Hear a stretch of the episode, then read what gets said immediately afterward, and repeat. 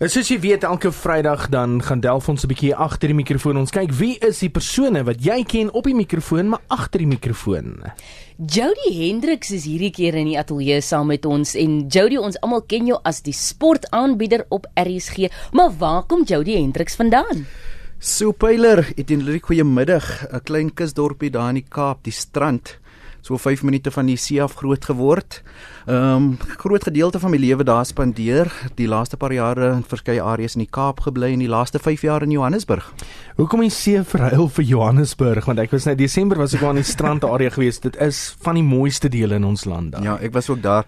Ehm um, ek moet vir jou sê loopbaansgewys Etienne was dit die regte besluit om aan die einde van 2013 Johannesburg toe te trek toe RSG my genader het.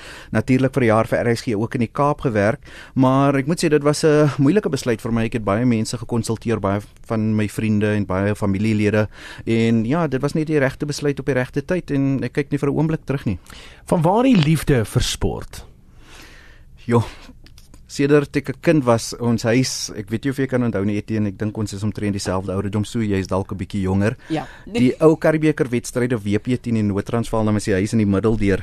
Ja, helfte omtrent, nee. Noord-Transvaal, halfte WP en op 'n Saterdagmiddag as daai twee spanne teen mekaar gespeel het, dan was dit half oorlog, maar vir my wat ek altyd interessant gevind het rondom sport, rugby, een van my gunsteling sportsoorte Etienne is die statistieke, die speler, hoeveel drie hy gedruk het, hoeveel wedstryde hy gespeel het, al daai tipe goed wat ek vandag as analis um as rugby analis by RSG gebruik. So dit is maar waar die liefde gebruik ek in 'n baie sportiewe familie groot geword. So sport was altyd daar. Jy weet die ander groot sportgebeurtenis in ons huis was die Manchester United Liverpool wedstryde van die vroeë 90s.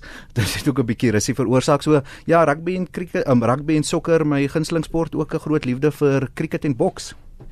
Uh Jody, wat was jou heel eerste werk? So, ek was 17 jaar oud toe sê my ouma vir my eendag ek moet 'n tannie gaan sien. Ek het die tannie gaan sien en die volgende dag het ek by 'n supermark in die bakkery begin werk waar ek vir 2 jaar broodjies, donuts, kusisters, enigiets wat jy kan indink gebak het. So dit was my eerste werk. Ek sal nooit vergeet nie. Ek het R7.20 'n uur verdien en dit was omtrent amper 20 jaar gelede, 18, 19 jaar gelede. Kyk, daar's iets wat ons nou nie weet nie. So volgende partytjie wat ons het, gaan Jerry vir ons koesisters bak nie. Ek kan nie koek bak nie. Is jy 'n dieremens en uh, watse diere is jou na in die hart? Ehm um, op die oomblik nie.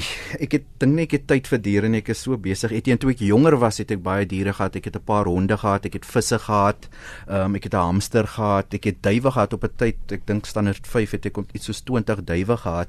Maar soos ek groter geword het, uh, jy weet, en raak mm. besig, is dan nie tyd altyd vir diere nie. Ek dink my ma het gesê ek kan enigiets kry behalwe 'n rot, maar op die oomblik Etienne, ja, daar's nie die tyd vir diere nie. Ek kan skaars na myself kyk wat nog van 'n die dier. en as mense die naam Jody Hendricks Google, dan sien hulle foto's van jou met hierdie lang hare. Hoekom het jy besluit om jou hare te laat groei destyds? Ek het nie genoeg geld gehad om na haarkapper toe te gaan nie so, maar Hy's so eerlik. Nee, ehm um, ek moet vir jou sê dit was 'n fase wat ek en my vriend, my beste vriend deurgegaan het en hy het nou nog sy lang hare. Ehm um, ons het begin ek het Ja, ek het eers te begin toe het hy ook begin om sy hare te groei 'n paar maande later. En ek het dit net gegroei en gegroei en dit het toe dreadlocks geword en vir 6 en 'n half jaar ehm um, het ek met dreadlocks rondgeloop en ek het dit die einde van November, ja, einde November vir die eerste keer in 6 en 'n half jaar het ek my hare gesny. Nie als af nie, ek het nog 'n bietjie hare oor. Ehm um, so ja, dit was maar net ek dink dit was 'n fase van my lewe waar dit ek wil ek dink ek wou soos Mark Latrin gelyk het. Hoor die gunsteling manier van wegbreek vir jou, weg van die werk af. Wat doen jy om weg te breek? Wel die afgelope Desember vakansie het ek baie gerus het en ek moet vir jou hmm. sê dat ek dink die afgelope 2 weke wat ek op vakansie was, het die rus my baie goed gedoen. Ek het so min as moontlik gedoen, 'n paar keer by die see gaan dry, maar ek hou daarvan om te reis. En ek was nou al bevest ehm um, bevoorreg genoeg om 'n hele paar lande te besoek en ook uh, baie mooi plekke in Suid-Afrika. So uh, enige geleentheid wat ek kry, etien hou ek daarvan om te reis en nuwe plekke te verken. En dan so om hierdie gesprek met jou af te sluit, wie inspireer jou?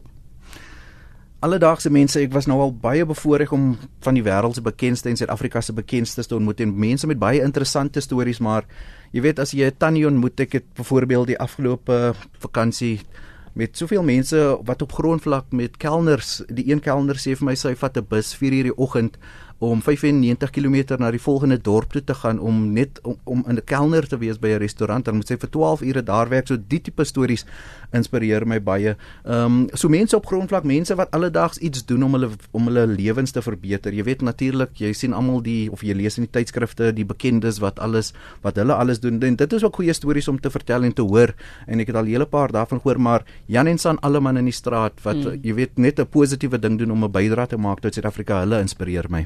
Van broodbakker tot RSG sportaanbieder. Jody Hendrik so agter die mikrofoon. Lus raak ek nou vir 'n koesister.